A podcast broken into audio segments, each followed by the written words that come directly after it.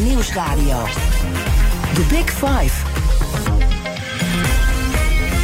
Art Rooijakkers. De informatieoorlog grijpt om zich heen. Rusland probeert Europa te verdelen via inlichtingen. En China probeert met behulp van spionnen technologie en bedrijfsgegevens te stelen. Van klassieke spionage tussen landen tot bedrijfsspionage en cyberaanvallen. Spionage is van alle tijden, maar hoe ziet het eruit anno 2023? Nou, daar ga ik over in gesprek deze week met vijf experts in BNR's Big Five over spionage. Vandaag te gast Ronald Prins. Expert op het gebied van cyberveiligheid. Hij begon in 1991 een van de, nou, ik denk toch wel de bekendste Nederlandse bedrijven op dat gebied, Fox IT. Stopte die in 2017 mee. Toen werd hij toezichthouder en uh, ging bijvoorbeeld bevoegdheden bij de AIVD keuren. En inmiddels is hij medeoprichter van een nieuw cyberveiligheidsbedrijf. En dat heet heel toepasselijk Hunt Hackett. Welkom. Dankjewel. Voordat we het gaan hebben over cyberspionage van Rusland en China, wil ik graag twee dingen van je weten. Allereerst, wat mag je allemaal niet zeggen op deze zender als het gaat om je klanten, je werk voor inlichtingendiensten enzovoort? Ja, nou ja, ik kan, kan het wel hebben over de klanten die gewoon op onze website staan. Maar in het mhm. algemeen, heb ik me ook wel aangeleerd, ben ik daar erg schuchter in, denk ik, om dat uit te leggen.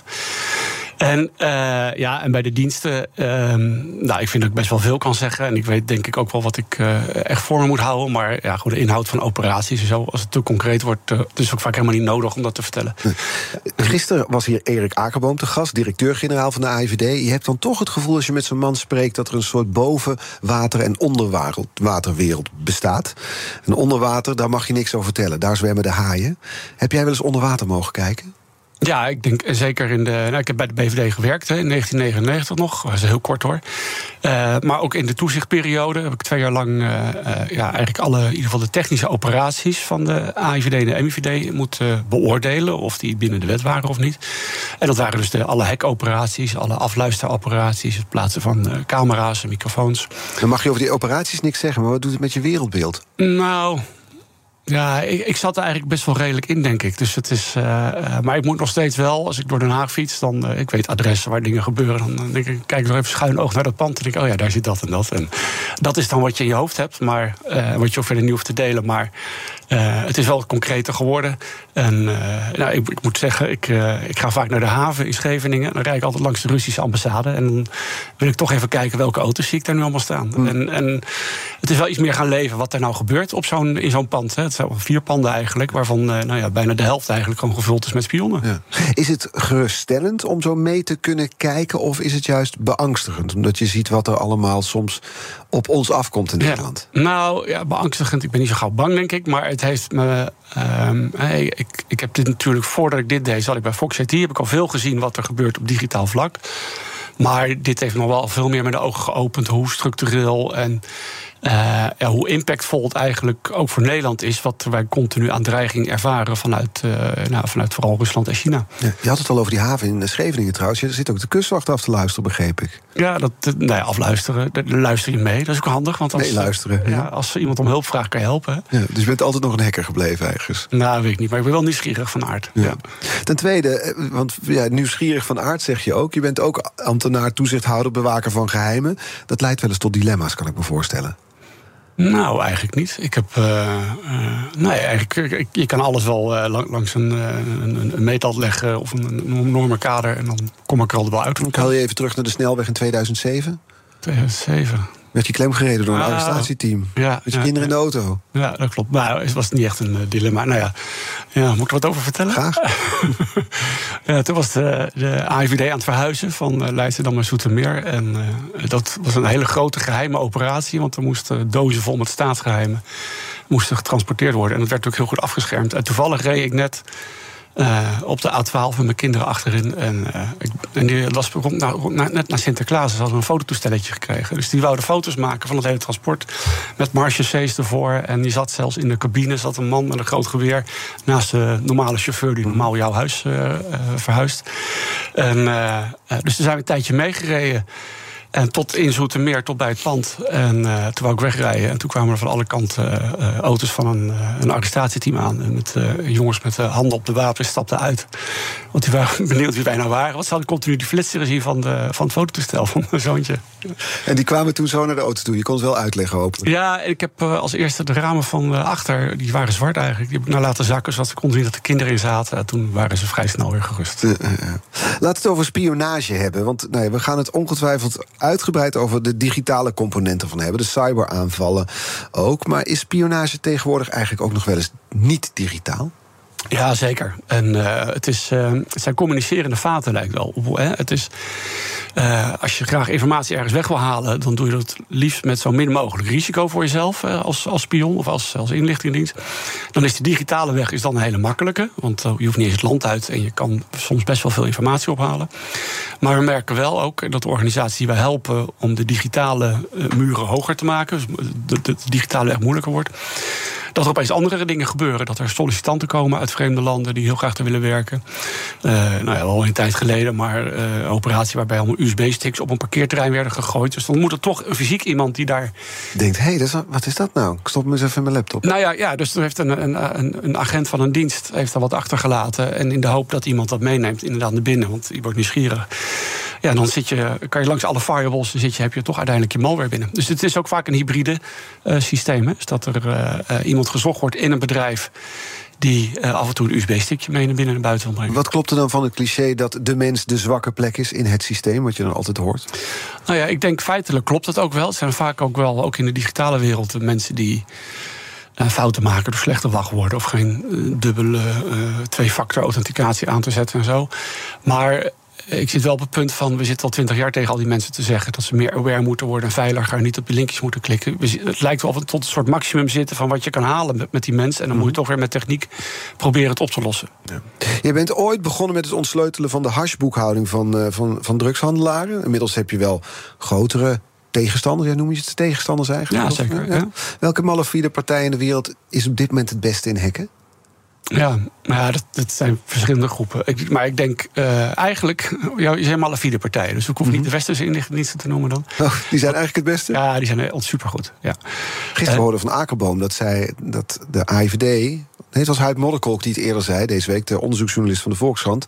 AIVD weet Russische hackers te hacken. Ja, ja, en misschien Russische hackers ons ook wel. Hè? Maar uh, uh, ja, dat klopt. En uh, nou, we hebben ook wel operaties gezien van westerse diensten die supergoed waren. we hebben onderzoek gedaan in België ooit dat ze daar de nationale telecomprovider was gehackt door de Engelse en de Amerikaanse dienst.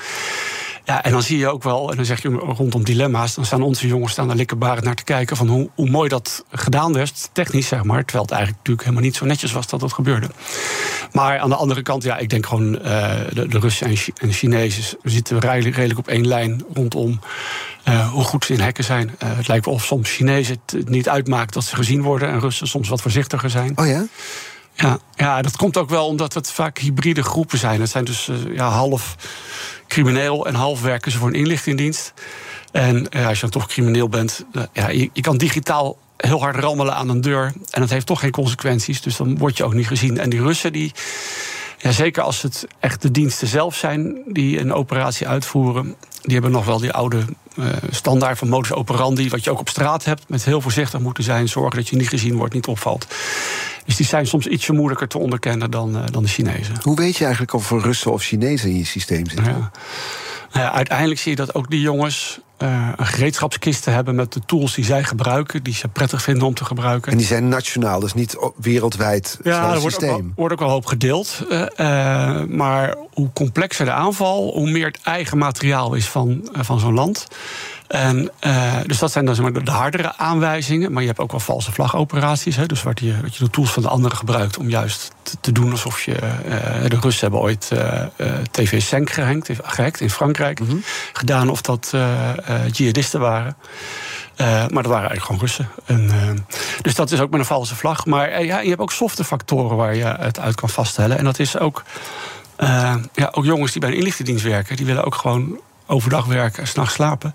Dus je zit aan de tijdzone. En die, die ritmes zie je terug, nationale feestdagen. Ik weet nog, vroeger uh, hadden we een hele grote kaart hangen... met uh, alle nationale feestdagen van de hele wereld. Dit wordt een rustige dag, want in China zijn ze vrij. Nou ja, of andersom. Van, uh, je, je, ja, je, ziet heel veel verkeer, heel veel drukte... en opeens een hele dag niet. En dan ga je kijken, welk land heeft dit nu een feestdag? En dan weet je, nou, dat zou die wel kunnen zijn. En je kan natuurlijk altijd zeggen... dat als je inderdaad zo'n valse vlag wil doen... dan ga je juist op die dag, hou je ook even stil... Maar uh, het is ook de optelling vaak uh, waardoor je het uiteindelijk kan vaststellen. The Big Five. Art Rojakkers. Met vandaag de gast Ronald Prins, cyberveiligheidsexpert, medeoprichter van Hunt Hackett. Uh, ja, met die oorlog in Oekraïne komt de aandacht al snel op Russische spionage. Gaat het veel over deze dagen. Maar tussen spioneert China er ook lustig op los. Gisteren hoorde van Erik Akerboom.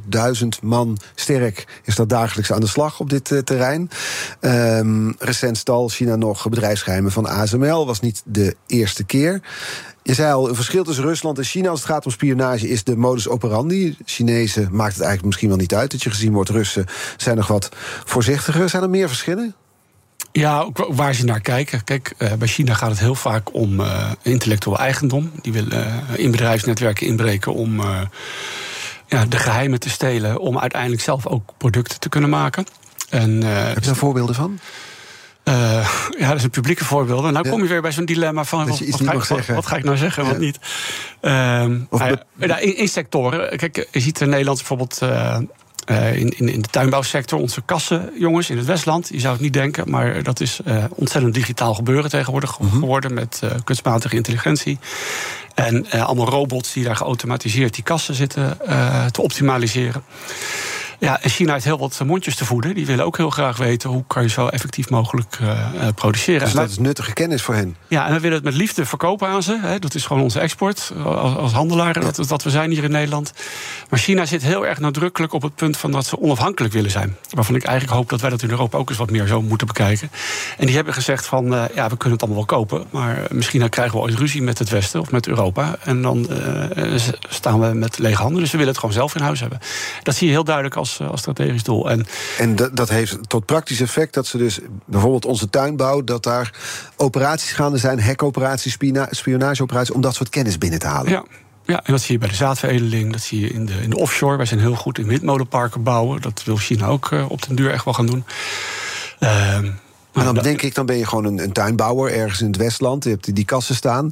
Heb jij een idee dat er een stel Chinezen bij je binnen proberen te komen? Ja, het is misschien ook vaak niet bij die tuinbouwer, maar bij, bij het bedrijf die al die techniek maakt en ontwikkelt. Mm -hmm. En nou, de mensen is de zwakke plek. Ja, mensen is de zwakke plek. En dat is ook wel waar ik net op hintte van als we daar digitaal veiliger maken, zie je opeens dat er iemand uit China daar komt solliciteren. En in deze tijden van dat het echt moeilijk is om, uh, uh, om goed personeel te vinden, ben je als. Uh, ben lang blij. Ben je blij dat er iemand voor de deur staat. En dat zijn altijd perfecte cv's. Mensen die hard willen werken. En uh, nou ja, op den duur is hij ook alweer vertrokken. En, maar het wordt nooit helemaal hard. Is die nou echt fout geweest of niet? Maar uh, we zijn eigenlijk wel van overtuigd van wel. En, en dat vind ik ook wel interessant. En dan is het dus letterlijk zo. Ik snap dat je geen voorbeelden van bedrijf gaat noemen. Maar dat er dus een Chinese man of vrouw komt solliciteren. Ja. Waarvan je dan later denkt, of misschien op dat moment wel, komt hij nou echt om hier te werken of komt hij om kennis binnen te halen? Dat is het, ja. En dan het is een, een, een PhD-jongen, dus heel, heel, erg opgeleid, die uiteindelijk uh, zegt: Nou, laat mij alle nieuwe apparatuur maar gaan testen. Dat vind ik eigenlijk wel leuk. En uh, ja, dan is hij eigenlijk overskilled voor, uh, voor wat hij aan het doen is. Maar dat zit hij wel aan het einde van alle research. En nou ja, dan krijg je alle tekeningen erbij. Precies de plek die interessant is. Ja. En, maar dat is, dit is dan geheimelijk, maar je ziet het ook eigenlijk heel publiek. Hè. De, de Universiteit van Wageningen die organiseert challenges over autonomous growing. Dus dat is dit, dit vakgebied in de, in de tuinbouw. En dat doen ze samen met Tencent, een mega Chinees concern... waar WeChat van vandaan komt en zo. Net zo groot als, als Huawei. En... Uh, ja, die delen dan prijs uit van 30.000 euro aan de, aan de start-ups die de leukste ideeën daar komen te presenteren. Ja, waar komen die ideeën terecht, bedoel je? Nou ja, het, het, gaat misschien soms niet eens direct om die ideeën, maar het helpt wel China om weer in kaart te brengen. Oh ja, bij dit bedrijf gebeuren leuke dingen en dan gaan we daar eens weer dieper op inzoomen, bijvoorbeeld. Ja. Nou, ben jij daar bewust van? Zijn de bedrijfssectoren waar je dan op richt, zijn, is er een vorm van naïviteit te ontdekken? Ja, er zit wel iets van naïviteit. En, uh, maar ik moet wel zeggen, het is wel aan het veranderen. Dus het is, uh, we hebben genoeg te doen. Er worden voldoende overal bijgehaald. Uh, ik merk wel, de sectoren voeden elkaar ook op. Hè. Je hebt uh, van wat we dan de ISEX noemen. Dus er zitten al die security officers van die bedrijven zitten bij elkaar. En die vertellen elkaar ook al die, uh, die war stories, wat zij allemaal meemaken. En dat opent de ogen wel, denk ik. Dat is ook heel belangrijk en goed dat ze dat doen. maar wat je nog wel steeds ziet, is dat het. we zitten ook wel eens in gebieden waar compliance een rol speelt. Dus dan, en dan vinden ze het eigenlijk vervelend als er incidenten plaatsvinden. En heel vaak als er van mij noemde uh, Huip Modderkok dat ook uh, afgelopen maandag, die eerste aflevering. Van ja, dan zit je op een spagaat van ja, het is niet mijn data wat gestolen wordt. Je hebt klantdata wat gestolen wordt, dat gaat misschien naar China. Ja, dus wat is nou de incentive om daar nou keihard op te investeren? Om Ja, want als bedrijf heb je er geen last van. Dat is inderdaad de stelling van Modderkolk. Dus dan eh, hou je het liever stil eigenlijk. Het is niet jouw pijn. En als je dat dan wel gaat graven, ja, het is, eh, mijn ervaring is ook bij elke grote organisatie. Je vindt altijd wel iets. Er is altijd ellende te vinden. Ja, dat had Modderkolk ook van die cijfers. Hè. 1 op de 20 bedrijven is nu in Nederland. 1 op de 20 bedrijven zou gehackt zijn op dit moment. Ja, dat zou eh, ik zomaar eh, kunnen onderschrijven. Ja. Ja. Gouden business waar je in zit. het is eh, niet voor niks dat we een nieuw bedrijf begonnen zijn. Maar eigenlijk was, zat de motivatie wel heel erg in. eh, vanuit mijn toezichtsrol zag ik hoe we werden aangevallen. En toen heb ik ook echt wel overwogen van ja, hoe kan ik nou mezelf het beste inzetten? Laat ik me maar eh, gaan helpen weer te beschermen. Ja. Toch nog naar die bedrijfsspionage toe. Want Peter Wenning, dus topman van ASML, die, die, je hoort hem wel eens dat verhaal vertellen over Chinezen die een chipmachine kochten, uit elkaar haalden en hem niet meer aan de praat kregen. Met andere woorden, ze hadden er niks aan. Is dat dan ook een soort naïviteit? Ja, ik vind moeilijk om nou dit concrete voorbeeld eh, om op in te gaan. Ik, hoor wel eens verhalen inderdaad van dan hebben wij een onderzoek gedaan en dan blijkt dat er eh, negen maanden lang twintig mensen bezig geweest zijn om daar data weg te halen, terabytes aan data, waar ze echt veel moeite voor gedaan hebben. En dan, eh, leg je dat op tafel uiteindelijk en dan is de hoofdconclusie van, die, van dat concern van ja, prima dat ze die data hebben, maar ze hebben toch niet de ingenieurs erbij, dus ze kunnen er niks mee. En eh, eh, misschien een beetje vergelijkbaar met het voorbeeld wat jij noemt. En dat is, eh, dat is wel eens wat je terug hoorde. Maar dat heeft ook te maken met dat als je beursgenoteerd bent, dan is het niet zo best dat je dit soort incidenten hebt. Hè. Want de waarde zit uiteindelijk in je intellectueel eigendom. En op het moment dat het helder is dat het ook ergens anders ligt, dat doet dat wat met de waarde van je bedrijf. Ja, ja. Dit gaat over China. Als jij zou moeten kiezen, wie heb je liever tegenover je? Een, een Russische spion of een Chinese spion? Chinese spion. Ja, want? Nou, die zijn eh, denk ik toch wel wat makkelijker eh, te onderkennen. En lijken zich ook niet te schamen voor wat ze doen. Wat je dus ook weer eh, kansen biedt. En, en Russen zijn denk ik ook, die zitten zo meer op dat hybride spel. Die vinden het ook prima om poppetjes te sturen. Dat hebben we gezien, die publieke voorbeelden rondom OpenCW... waar ze via de wifi toegang wouden krijgen. En ja, dat is toch wel iets meer pittig. Wat was dat voor verhaal? Ja, bij OpenCW zijn eh, eh, vier Russische spionnen eh, staande gehouden door de, eh, onze militaire inlichtingendienst. Stonden zij op de parkeerplaats volgens mij? Ja, hè? en die hadden in de kofferbak van een auto, die hadden een autootje gehuurd, eh, cash betaald en, eh, en de bonnetjes en alles nog netjes bewaard. Be- Dus heel erg geprut, zeg maar, op dat vlak. Maar eh, ja, die hadden afluisterapparatuur om uiteindelijk bij OpenCW eh, binnen te kunnen komen in het netwerk. Eh, en uiteindelijk zeg maar, langs de firewalls te zijn. En om daarna eh, permanent mee te kunnen kijken wat er bij OpenCW gebeurt. Ja. Wat, wat zou er interessant zijn voor hem wat daar gebeurt? Eh, voor mij waren er toen net ook eh, gifgasaanvallen in Syrië geweest, waar Rusland soms Syrië eens een beetje bij helpt. Ja, en dus gingen ze, probeer je dat, hè, want het gaat over die chemische wapens. In het, inderdaad, de organisatie, wat is het? De organisatie voor het verbod op chemische wapens, ik Ja. moet dat goed zeggen. En dus op die manier zie je dan dus dat er daar meegekeken wordt. Maar je zegt dat Chinezen zich minder schamen, hè, makkelijker laten zien. Tegelijkertijd zie je soms ook van die filmpjes op social media van Russische hackers die in Ferraris over het Rode Ja. Plein van Moskou scheuren en zo. Ja, maar dat zijn wel meer de, de afpersjongens, hè, de Dat is ransomware. ransomware. En eh, eh, ja, die ook trouwens weer net zo hard weer voor Poetin willen werken. En dat is ook een wisselwerking. Want als ze dat niet doen, dan worden ze ook niet eh, met rust gelaten. Zoals Mhm. ze nu wel ze kunnen doen wat ze willen. En dat is natuurlijk ook. Eh, dat helpt Poetin ook, hè? want wat die ransomware jongens doen... is disruptie uiteindelijk veroorzaken in het Westen. En er komen harde dollars eh, naar, eh, naar Rusland. Ja, want wat zij doen is, ze gaan bij een bedrijf naar binnen, leggen de boel plat, zeggen als je ons zoveel bitcoin betaalt, Ja. dan, dan krijg je je gegevens weer terug. En uiteindelijk loopt dat op in, in de honderden miljoenen... we die die kant op gegaan En dus kunnen ze die Ferraris betalen waarmee ze rondrijden over het Rode Ja. Plein. En wel vijf ook, ja. Ja. Ik heb me wel laten vertellen een keer dat de makkelijkste manier om je daar tegen te wapenen, maar ik weet niet of ik nu jouw bedrijfsmodel onderuit haal, is een Cyrillisch toetsenbord aansluiten op je systeem. Ja, ja. Nee, dat is inderdaad... Die, Want dan, dan denken ze dat het een Russisch systeem is en dat mocht je niet hacken van Ja. Poetin. Ja, precies. Want als je dat wel doet, dan staat eh, hun dienst een keer bij je voor de deur. En dat wil je echt niet. En, ehm nou, ze zei. Klopt ze- dat of niet? Nee, het is, ja, het is inderdaad dat die software wel kijkt ernaar, maar het is niet eh, voldoende. En het is best lastig typen trouwens met een uh, Cyrillisch en dan dus, hoe je hoeft er maar eentje aan te hangen. dus hoe praktisch is, is die oplossing uiteindelijk? Maar je merkt, het zijn altijd kat- en muisspelletjes. Als zij merken dat je eh, iets hebt tegen hun, dan gaan ze wel weer omheen. Ja, dat zijn dan de groepen die vanuit Rusland zelf opereren. Inmiddels zijn er de afgelopen maanden best wat Russische spionnen ons land uitgezet. Onlangs nog, hè, door Hoekstra kondigde dat ook weer aan. Die zitten dus op die ambassade in Den Haag, waar jij dan wel eens voorbij rijdt, naar de auto's kijkt, wat staat hier allemaal. Zijn dat dan. Is dat een groter risico dan die hackers die vanuit Rusland zelf opereren? Nee, ik denk dat ze elkaar nodig hebben. Eh, en, eh, maar dit zijn wel de mensen die Ehm, ja, wat, wat, wat, je handlers noemt, die dus praten met agenten die ze bronnen hebben. Wat ook wel weer gewoon uh, ambtenaren kunnen zijn. Uh, maar een bekend voorbeeld van de uitgezette jongens zijn. Uh, dat waren twee runners die praten eigenlijk alleen maar met nou ja, Nederlands, Nederlands personeel. bij technologiebedrijven zat. In de satellieten en de nanodeeltjes en alles. En die haalden daar informatie op. En ja, het is wat, wat ik zei met die communicerende vaten. Als het digitaal niet lukt, ga je het op deze manier proberen. Ik stel me dan toch voor dat je bij zo'n bedrijf werkt... dan komt daar een rust die, die Engels spreekt waarschijnlijk... en die zegt, hey, kom koffie drinken, ja.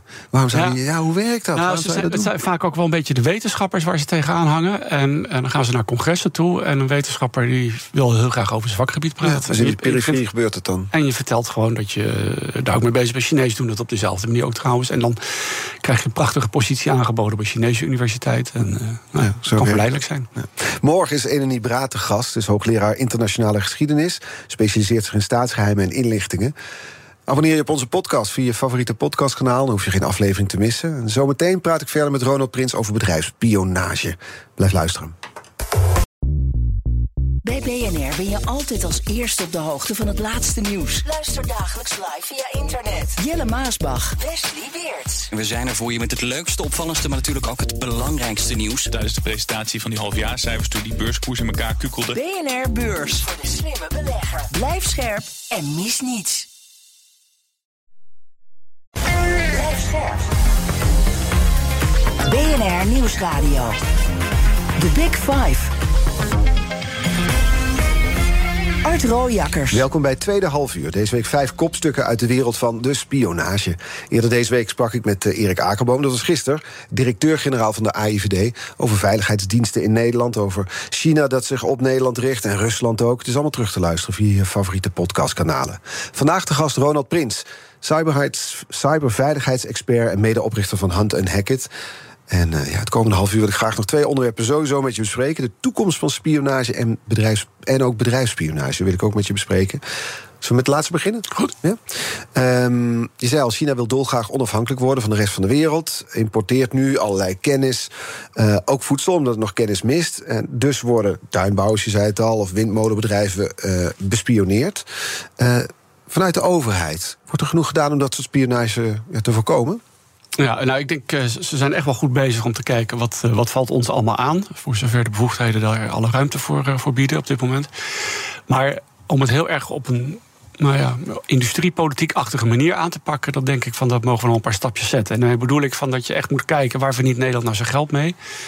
En zijn die bedrijven eigenlijk allemaal zelf wel in staat om die aanvallen tegen te gaan? Kijk, wij vanuit Hunt Hackett helpen een handjevol bedrijven uiteindelijk, een paar handen vol.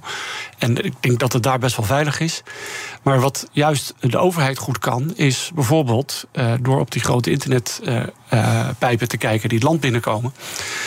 Zien wij aanvallen die op hele andere plekken komen, die niet al door lokale bedrijven beschermd worden. En dat is denk ik juist de kracht die de overheid heeft. En die hebben speciale bevoegdheden. En die zouden ze daar nog wat meer op in kunnen zetten. Als ze, en er moeten twee dingen voor gebeuren. Moet dus ruimte komen om op die kabel te mogen kijken. En het tweede is denk ik ook dat het economisch belang, dat er eens een keer een goede discussie misschien wel in de Kamer over moet plaatsvinden. Vinden we nou dat economische veiligheid. En dan op die manier van dat we het economie zoals nu in Nederland waar we ons geld mee verdienen, uh, dat we dat moeten laten beschermen door de inlichtingdiensten. En er heerst nog wel eens een gedachte, en dat merkte ik ook wel eens toen ik daar op de gang rondliep, van ja, moeten wij nou helpen die bedrijven nog rijker te worden? Laat ze dat lekker zelf allemaal oplossen. En, en ik zie andere landen om ons heen dat die daar wat nou, strategischer naar kijken. Die zeggen, ja, de, dit, deze industrie is zo belangrijk. Voor Zoals Frankrijk, de auto-industrie. Ja, Frankrijk, de auto-industrie is denk ik een hele goede. Daar werken natuurlijk uh, honderdduizenden mensen. Er wordt ontzettend veel geld verdiend uh, in Frankrijk daardoor. En Frankrijk zet dus hun diensten echt in om te zorgen dat daar niet uh, gespioneerd wordt. Ja, en dat zou, dat zou een optie zijn. Wij zijn bijvoorbeeld goed in hoogwaardige chips, ik noem maar iets. Ja. Om daar dan zo'n ring omheen te zetten of inlichtingendiensten zich actief op te laten richten om dat te beschermen. Ja, en nu zie je van, we, we hebben drie hoofdtaken. Dat is uh, contra-terreur. Dus we willen geen terrorisme hebben in Nederland. We willen eigenstandige inlichtingeninwinning doen. Dus we willen weten, is Iran bezig met, uh, met nucleaire dingen? En, uh, en het derde is dan contra-inlichtingen. En Ik denk dat dat nog wel heel erg gefocust is op de traditionele spionage. Waarbij dus wij willen weten wat doen die Russen hier, wat doen die Chinezen hier. En, uh, en met welke mensen bij buitenlandse zaken proberen die te praten. En dat zou wel iets breder mogen, iets, iets structureler gaan kijken. Van wat zijn die landen nou eigenlijk aan het doen? Of misschien ook wel andere landen. Uh, waar ze onze economische belangen raken. Klopt het dat, dat las ik ergens, of hoorde ik ergens, dat 80% van de mensen bij de AIVD nu werkzaam is in dit terrein op terrorisme en militaire spionage en niet bedrijfsspionage?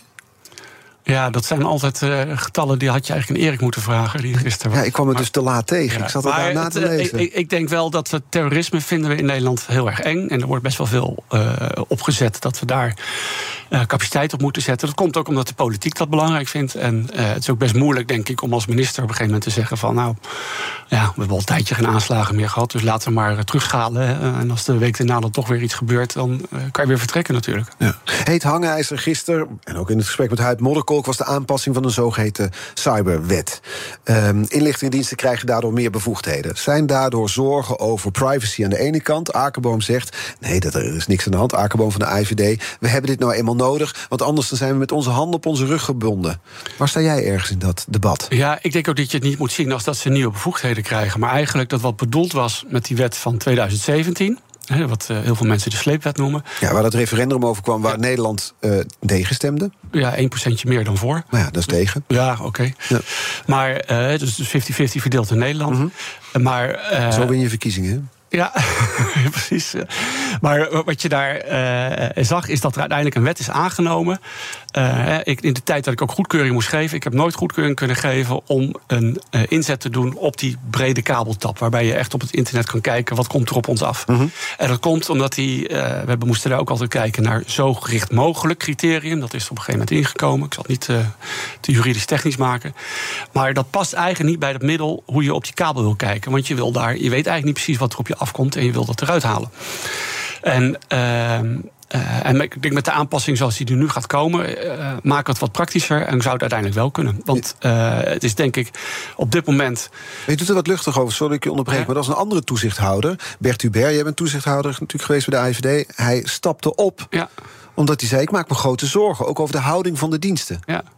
Dan stonden jullie dus lijnrecht tegenover elkaar. Wij staan 100, dat is een hele goede vriend van me. Toch staan we 180 graden tegenover elkaar. Dat en nog wel eens eten, proberen jullie het dan uit te praten? Nou, biertjes drinken. Snap nee, nee, denkbeelden? We, we, uiteindelijk vermijden we dat, denk ik. En gaat het vaak via de pers. En uh, we zitten binnenkort in de Tweede Kamer bij een ronde tafelsitting. Zitten we naast elkaar om het, uh, onze visie te tegenover elkaar. Nee, ja. nee. Maar, maar, snap je zijn, zijn denkbeelden, zijn angsten? Nou, eigenlijk kan ik het niet helemaal volgen, moet ik zeggen. En uh, een van de dingen waar, waar, hij over struikelt, is dat er nu gezegd wordt van nou, de diensten mogen dan de, de bepaalde ambtenaren van die diensten mogen op die kabels kijken.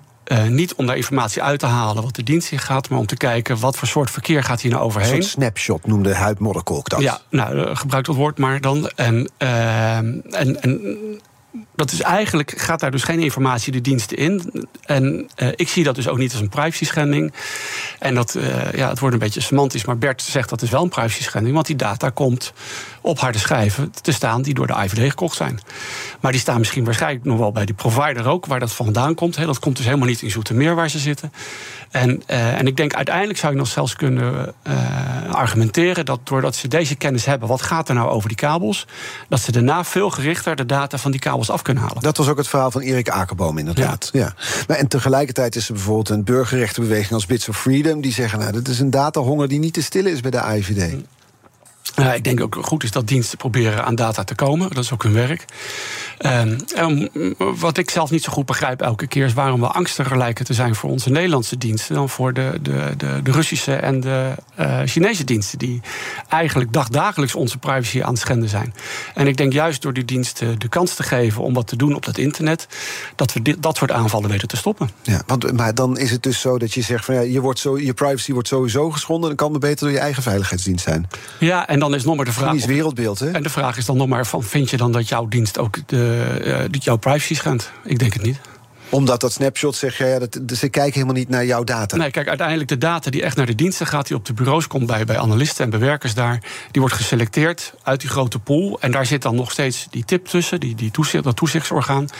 En die moet per target, dus per persoon zeggen: het is goed dat die data naar geanalyseerd mag worden.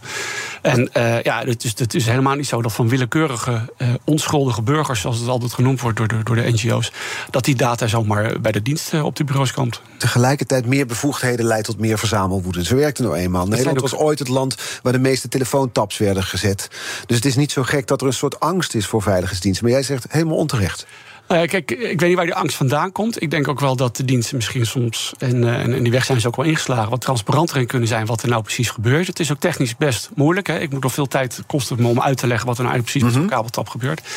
En uh, dus de diensten hebben misschien wel de rol om beter uit te leggen wat ze nou precies doen, om uiteindelijk die angst kwijt te raken. Want ik merk wel voor iedereen die daar komt te werken. Ik weet zelfs mensen die vanuit Bits of Freedom heel goed in die wet zaten, die zijn gaan werken bij de dienst, dat die uiteindelijk zeggen: ja, nu kijk ik toch heel erg, heel erg anders naar. Ja, omdat de dienst natuurlijk allemaal dingen over ze weet, ze durven niks anders meer te zeggen. Ja, ja, precies, zo zitten ze bij ons in elkaar. Ja, precies. Ik begreep dat Russische spionnen contact hielden met elkaar een poosje via commentaren op YouTube, bijvoorbeeld. Ja. kwam een verhaal tegen. Dat is dan iets dat de AIVD niet mag aftappen. Klopt het? Ja, op, uh, op dit moment uh, geldt dus die oude wet nog. En die is tot stand gekomen met een, uh, met een toezegging van minister Plasterk, was dat toen. En heeft in de Kamer gezegd: van als we die kabeltap zetten, dan halen we alle streamingdiensten eraf. Dus Netflix en YouTube, daar zijn we niet geïnteresseerd, dus daar kijken we niet naar. En, uh, en op een gegeven moment blijkt dus inderdaad dat uh, Russische uh, handlers, spionnen, die willen praten met hun agenten. En dan doe je dat niet in een kroeg, want dan word je gezien. Maar dan is het heel handig om dat digitaal te doen. En dan moet je jezelf verstoppen op internet. En ze hadden bedacht, laten we daar de, de commentaarvelden die je onder YouTube-filmpjes hebt, laten we, daar gebruiken, dat, laten we dat gebruiken om daar boodschappen in te verbergen. Dus dan is het opeens weer heel legitiem dat de dienst wel daarnaar wil kunnen kijken. En, wij hebben toen als toezichthouder besloten: ja, dat kan niet, want Plasterk heeft die wet door de Kamer gelood met de belofte: we gaan daar niet op kijken. Ja. En dan denk ik, ja, en dat. dat dus juridisch gezien klopt het dan dat jullie er geen toestemming voor moeten geven, maar tegelijkertijd knarst dat wel. Knarst het zeker. En achteraf heb ik ook wel gedacht van, ja. Uh, hebben we onze rol als toezichthouder dan ook wel goed ingevuld? Mag je niet ook wel wat dynamischer kijken en ook naar de geest kijken van wat er nou bedoeld was met die uitspraken die, uh, die Plastic deed. Want dat ging er natuurlijk over. We zijn niet geïnteresseerd in wat voor soort filmpjes je zit te kijken. Hè. Dus we komen niet aan jou, op, op die manier aan je privacy. En, uh, en, en, hij heeft ook helemaal niet dat beeld toen gehad van dat er uh, in die commentaarvelden dat je dat zinvol kan gebruiken. Ja. Je zei net uh, in een eerder deel van dit gesprek dat westerse inlichtingendiensten goed zijn als het gaat om spioneren en dat soort operaties. We zijn er goed in. Um, waar we het gisteren ook over hadden met, met Erik Akerboom, is dat in Oekraïne werd verwacht dat Russische hackers Oekraïne ook digitaal lam zouden leggen. Bijvoorbeeld de energievoorziening. Uiteindelijk moesten ze daar toch raketten op afschieten om die centrales ja. kapot te maken. Dat was een van de verklaringen was dat Oekraïne een soort verouderd systeem is. Ze hebben nog fysieke knoppen. Je kan er nog aan en uit zitten. Wij zijn natuurlijk verder gedigitaliseerd. Hoe staan wij er eigenlijk voor? Stel dat wij inderdaad een doelwit zouden zijn. Ja. Ja, die vraag krijg ik heel vaak en ik maak mensen nooit blij. Want dus, uh, ik ben eigenlijk best wel angstig wat dat betreft. We zijn het meest digitale land van de wereld. En uh, bij ons bankiert 99% van de mensen doen alles met ons telefoontje. Gaan naar het buitenland, dan zie je dat heel gauw terugzakt naar 50% al. En we hebben bijvoorbeeld al geen contant geld meer. En daar zie je al, als zo'n systeem uitvalt, dan heeft dat inderdaad enorm veel ellende, geeft dat hier zo. En nou, uit uh, uh, wat ik merk in, in mijn bedrijf werk, waar wij bedrijven testen hoe veilig ze zijn, ja, blijkt eigenlijk dat meer dan 90% van die bedrijven lukt het uh, om binnen te dringen. En om daar de worst nightmare vol, uit te voeren. Bijvoorbeeld het stelen van 20 miljard euro van een bankrekening of het openen van sluizen. Dat hebben jullie gedaan? Dat is allemaal gelukt. En eigenlijk lukt hetzelfde niet.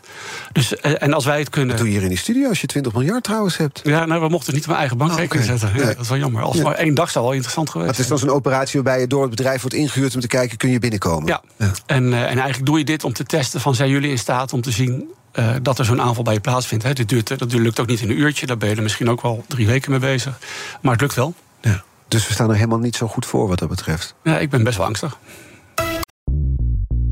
BNR ben je altijd als eerste op de hoogte van het laatste nieuws. Luister dagelijks live via internet. Jelle Maasbach, Wesley Weert. We zijn er voor je met het leukste, opvallendste, maar natuurlijk ook het belangrijkste nieuws. Tijdens de presentatie van die halfjaarcijfers toen die beurskoers in elkaar kukkelde. BNR Beurs. Voor de slimme belegger. Blijf scherp en mis niets. BNR Nieuwsradio. The Big Five. Art Rojakkers. Je luistert naar BNR's Big Five van de spionage. Later deze week praat ik nog met Danny Pronk, spionage-expert... voormalig veiligheidsonderzoeker bij het Klingendaal Instituut. Vandaag de gast Ronald Prins, cyber, cyberveiligheidsexpert. Ik struikel telkens over die term. Heb je het ook op je visitekaartje staan of niet? Ik heb geen visitekaartje. Oh, cyberveiligheidsexpert en medeoprichter van Hunt Hackett. We gaan naar de kettingvraag toe. Want gisteren dus Erik Akerboom te gast, directeur-generaal bij de AIVD. Hij had deze vraag voor jou. Ronald Prins is um, net zo oud als het internet. Het internet is ook 54 jaar oud. Heeft uh, de laatste 30 jaar een stormachtige ontwikkeling doorgemaakt. Overigens net als de carrière van uh, Ronald Prins. Mm -hmm. En ik zou hem willen vragen: wat is het volgende hoofdstuk van het internet? Wat is de impact dan op veiligheid? En wat vindt hij dat de inlichting en veiligheidsdiensten meer of minder zouden moeten doen? Kom maar op met die glazen bol. Ja, ik ga even mijn koffie kijken. Maar uh, nou ja, kijk, we hadden het net al over, over die digitalisering. Die gaat doorzetten. Dus nog steeds meer zullen we afhankelijk worden van die digitale wereld. Um, maar een van de fenomenen waarvan ik denk, wat ook in, relatie tot die vraag van Erik, van wat moeten wij als diensten nou doen, is dat ik echt angstig ben voor um, hoe andere diensten in staat zijn om uh, met desinformatie rond te strooien. En dat zie je nu nog een beetje je zou het kunnen zien als gepruts op Twitter met trollen die allemaal rare berichtjes erin gooien. Maar uh, met de nieuwe uh, ChatGPT-achtige technieken die je ook kan gebruiken om beeld te maken, maar ook geluid te maken, zou er ook prima een, een fake podcast door de Russen gemaakt kunnen worden. Van interviewers tussen jou en Erik Akerboom. Met een hele andere uitspraken erop. En die ze dan als, als de Russische inlichtingendienst ook nog weten te injecteren in jullie podcastkanaal. En waardoor je dus als burger gewoon helemaal geen zicht meer op hebt van ja, wat is nou echt nieuws en wat niet. Hè? Want het nieuws komt ook via een digitale weg tot ons. En dat is, hè, je kan met, met bommen en granaten proberen een land kapot te maken. Maar dat kan je ook heel goed doen met, met informatie uiteindelijk. En uh, dat is iets waar ik, waar ik bang voor ben. En, en ik ben er vooral bang voor omdat ik denk dat het nu een soort ja, tussen wal en schip verhaal is van, van wie is dit dan? Want um, als dat gebeurt, hè, dat er ingebroken wordt hier zo in netwerken om onze media te manipuleren. Wie gaan we daar dat laten uh, repareren? Is dat dan, moet, moet uh, ons leger dat doen, defensie doen? Want je moet dan misschien ook wel dingen weer gaan hacken in Rusland.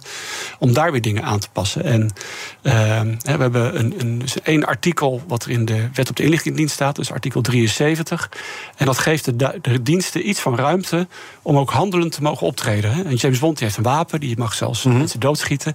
Onze James Bonds die mogen vooral informatie verzamelen en daar rapportjes over schrijven. Maar dat handelen wat ze mogen, dat staat heel dun beschreven in dat artikel. En ik denk dat het belangrijk is dat we over na gaan denken... Ja, tot welk handelen willen we eigenlijk dat onze diensten overgaan? Want het is natuurlijk onzin om ja, mensen in een, in een uniform... die uh, soldaat zijn en eigenlijk moeten gaan vechten... om opeens weer dat stukje dan te laten gaan doen... terwijl de inlichtingendiensten al lang online bezig zijn... en al meekijken bij de Russen. Die wereld van schijn en werkelijkheid, hoe dichtbij is die? Waar hebben we het dan over? Is dat iets wat over drie jaar gaat spelen, over tien jaar? Nee, dat is, dit is eigenlijk best wel dichtbij. Ik vind het ontzettend moeilijk om ver vooruit te kijken. En, uh, en misschien zijn er nu al, uh, nou, dat, dat zien we wel eens... maar dat is dan misschien nog wat ik nog een beetje het gepruts noem... van filmpjes die door Russen gemaakt worden... waar ze zogenaamd uh, beelden laten zien... dat Oekraïners Russische soldaten aan het executeren zijn en zo. Maar dat gaat dan op Twitter, wat, waarvan iedereen... althans dat hoop ik dan ook wel een beetje snap... ja, daar zitten elke amateurs met zijn Photoshop zijn plaatjes op te delen.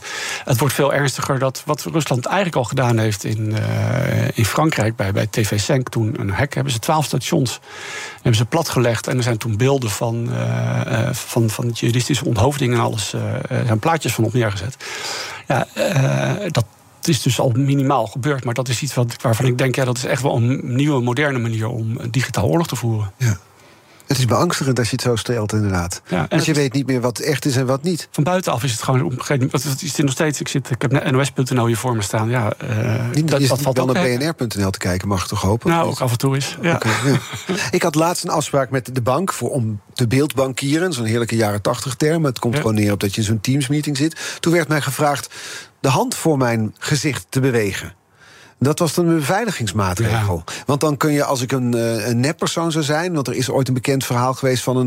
ik dacht ook een, een Franse zakenman of het was een spion... die uh, om geld begon te vragen. En het bleek een man te zijn met een soort siliconenmasker ja, op... die zo'n miljoenen heeft afgetroggeld in Frankrijk, dacht ik. Wat ik nu moest doen was mijn hand voor mijn gezicht heen en weer bewegen... want zo zou een digitaal masker dan te herkennen zijn. Ja, nou, ik, Jij kijkt met grote ogen, wat een onzin is dit? Wat is dit voor bank? Ik denk, nou, misschien dat dat met de software die ze toen op dat moment gebruikten... of, of die je kan gebruiken om, om een fake gezicht te genereren... Uh, dat die zo'n hand voor de ogen niet tegenkomt. Maar dat zijn uh, dingetjes die altijd wel weer kan aanpassen. Ja. Uh, en uiteindelijk gaat het je echt wel lukken om, om ook zelfs via videobellen te doen alsof ik het ben. Hoe, hoe weten jou en mijn kinderen dan straks wat nog echt is en niet echt? Nee, dat is best wel moeilijk. Dat is een uh, groot probleem. En, uh, en ik denk dus dat een van de weinige manieren wat je kan doen is ja, zo'n digitale muur om jouw land heen bouwen. Waarbij uh, ja, continu een, een, een, een, gevecht plaatsvindt om te zorgen dat de, de verkeerde berichten gaan verdwijnen. Iets waar je ook zorgen maakt, want we zitten nu een beetje in het zorghoekje, is quantum computing, begreep ik. Ja. Vertel eens. Oh, jullie hebben echt goed onderzoek gedaan. Ja, ja dat, is, dat, is, uh, dat zijn nieuwe computers die wel of niet ooit gaan komen. Maar het risico is zo groot dat als ze er zijn, dat wij onze huidige cryptografie, dus de beveiliging die we gebruiken, bijvoorbeeld om te bankieren. Eh, alles waar je bij HTTPS ziet bovenin in je balk met dat S'je erbij, dat betekent dat het veilig is. Ja, dat zou je kunnen kraken en kunnen afluisteren. En, en wat er nog. Omdat die computers nou eenmaal veel krachtiger zijn dan de die we nu hebben. Dat zijn supercomputers die uh, de, de, de, nou ja, de, de, wiskunde kunnen kraken, die zeg maar, daarvoor gebruikt wordt om dat te beveiligen. Zijn in ontwikkeling, maar in Duitsland heeft IBM er volgens mij al eentje aan het draaien, toch? Of niet? Ja, er zijn overal op, op universiteiten zie je wel, maar dat zijn minimale met een paar bitjes. En die kunnen niet hele grote berekeningen doen. Maar China geeft er bijvoorbeeld wel 200 miljard aan uit. En je ziet op dit vakgebied elke keer dat in die cryptografische wereld... dat inlichtingendiensten voorlopen op uh, de academische wereld. Dus we weten ook eigenlijk helemaal niet hoe ver uh, andere landen zijn. En als je dit één keer kan dan zou je dat ook wel eens uh, door kunnen redeneren van ja, dan is het eigenlijk misschien wel net zo machtig als een soort kernwapen. Want je kan waarschijnlijk zelfs kernwapens van andere landen overnemen, want die zijn op dezelfde manier weer beveiligd. Ja, want eigenlijk alle beveiliging die we dan nu online hebben, is in één klap waardeloos geworden als die computers daadwerkelijk ja. uh, inzetbaar zouden zijn. Ja, en dat is dan niet alleen voor de toekomst. Hè. Ook als ik nu met jou veilig e-mail via Gmail, dat is ook versleuteld met diezelfde manier. Als dat allemaal afgetapt wordt en bewaard wordt, dan kan je dat ook over 20 jaar, als het dan misschien die computers zijn, kan je nog steeds die berichten kraken. Ja, kun je er nog steeds in. Ja. En daar is dus, dan denk ik, ja, als dat aan die kant wordt ingezet, dan zal het toch ook aan de overkant ook wel iets worden ingezet, waardoor zo'n computer kan worden ingezet om de gaten weer te dichten. Nee, want je gebruikt niet computers ervoor, dan heb je toch gewoon weer wiskunde nodig. Ah ja, nou dat ja. is jouw oude vakgebied Zeker. natuurlijk. Dat heb je ja. gestudeerd. Ja. Um, morgen is hier te gast Eleni Braat. Zij is hoogleraar internationale geschiedenis aan de Universiteit Utrecht. Je mag er een kettingvraag stellen. Wat wil je van haar weten? Ja, wat ik wel interessant vind is, uh, we hebben natuurlijk een hele periode gehad van een, van een koude oorlog. Dat is waarbij uh, landen tegenover elkaar stonden en met uh, kernwapens naar elkaar zaten te wijzen. Toen een tijdje niet. En ik vraag me af, in wat voor soort periode zitten we nu? Kan je nu weer stellen dat we in een soort koude oorlog zitten? En wat zijn dan eigenlijk de, de properties of de eigenschappen die je moet hebben om te kunnen definiëren dat het een koude oorlog is? Ja. We gaan het er morgen vragen. Uh, nog voor jou een vraag. Je hebt in jouw carrière, in jouw rijke carrière, heel wat uh, gehackt en binnen mogen kijken. Of binnen niet midden mogen kijken, maar toch gedaan. We hebben het al over de kustwacht gehad, waar je meeluistert, niet afluistert. 20 miljard die je op je bankrekening had toen je gevraagd werd om ergens binnen te komen. Um, wat is eigenlijk het leukste of het interessantste wat je ooit gehackt hebt? Mm, ja, ik heb zelf ook niet zoveel gehackt. Ik nee, had hele goede jongens om mij die okay. heel goed konden hacken. Um, nou, ik, ik vind Wat jullie gehackt hebben dan? Nee, maar ik vind, de, ik vind de grote onderzoeken, zoals bij DigiNotar, KPN, Belgacom, dat is denk ik zijn wel echt een hoogtepunt. Want daar zie je echt dat ja, vitale infrastructuur van een land op omvallen staat. En dat is prachtig als je kan helpen om te zorgen dat het niet gebeurt. Ja. En wat kom je dan tegen wat het zo prachtig maakt? Ja, toch wel weer uh, twee dingen. Aan de ene kant naïviteit aan onze kant. Hè. Mensen die de kabeltjes trekken naar computers die nooit aan het internet mogen hangen. Maar dat is, die, die jongens wilden liever niet in die koude serverruimte zitten. Dus die trokken altijd een kabeltje onder die sluisdeuren door. Dat aan de ene kant. En aan de andere kant. En in zo'n kabeltje zit het dan al? Zo kun, ja, zo kunnen... ja, en dat soort stomme dingen. En als de auditor komt, is dat kabeltje altijd weg. Dus, ja. Uh, ja, dus daarom is het, vind ik ook die auditing vaak een papieren werkelijkheid. Het komt niet overeen met de echte realiteit. En het andere fascinerende is denk ik ook wel. Uh, maar dat is dan de, de, de, afwijking die je hebt in dit vakgebied. Is dat je uh, naar kan staan kijken van hoe mooi een aanval kan zijn. Hoe mooi een aanval kan ja, zijn. Omdat het symfonie is. Hoe, hoe, technisch dat goed in elkaar zit, over alles nagedacht. En, uh, zeker... Waar zit de schoonheid dan? Uh, dat, het, uh, dat, dat we er drie maanden hebben zitten kijken en niet gevonden. En opeens vind je dan waar het zit. Is dat een soort wiskundige schoonheid? Of ja, misschien wel artistiek? Waar moet ik het, hoe kun je nou, betitelen? Ik, ik, heb het ook inderdaad wel eens vergeleken met als het, als het een hele moeilijke stelling is... en je wil bewijzen dat het klopt... dat dat ook een soort uh, uh, opwinding bij een wiskundige kan veroorzaken. Als je daarna drie maanden gelukt is en je kan uh, QED ergens onderzetten. Het was interessant om met je te praten. Ronald Prins, dank voor de komst vandaag. Um, voor de luisteraar, onze aflevering. Ik zeg het vaak, maar ik zeg het ook met veel plezier. Zijn terug te luisteren als podcast. Je kunt je abonneren op onze podcast via onze app of via je favoriete podcastkanaal. Dan hoef je geen aflevering te missen. Kun je bijvoorbeeld ook die vorige week van Diana Matroos terugluisteren. Mijn collega die ging over de verkiezingen die eraan komen. En nu op deze zender Connor Clerks met BNR Breekt. Tot morgen. Bij BNR ben je altijd als eerste op de hoogte van het laatste nieuws. Luister dagelijks live via internet. Jelle Maasbach, Wesley Weert. We zijn er voor je met het leukste, opvallendste, maar natuurlijk ook het belangrijkste nieuws. Tijdens de presentatie van die halfjaarcijfers toen die beurskoers in elkaar kukkelde. BNR Beurs. Voor de slimme belegger. Blijf scherp en mis niets.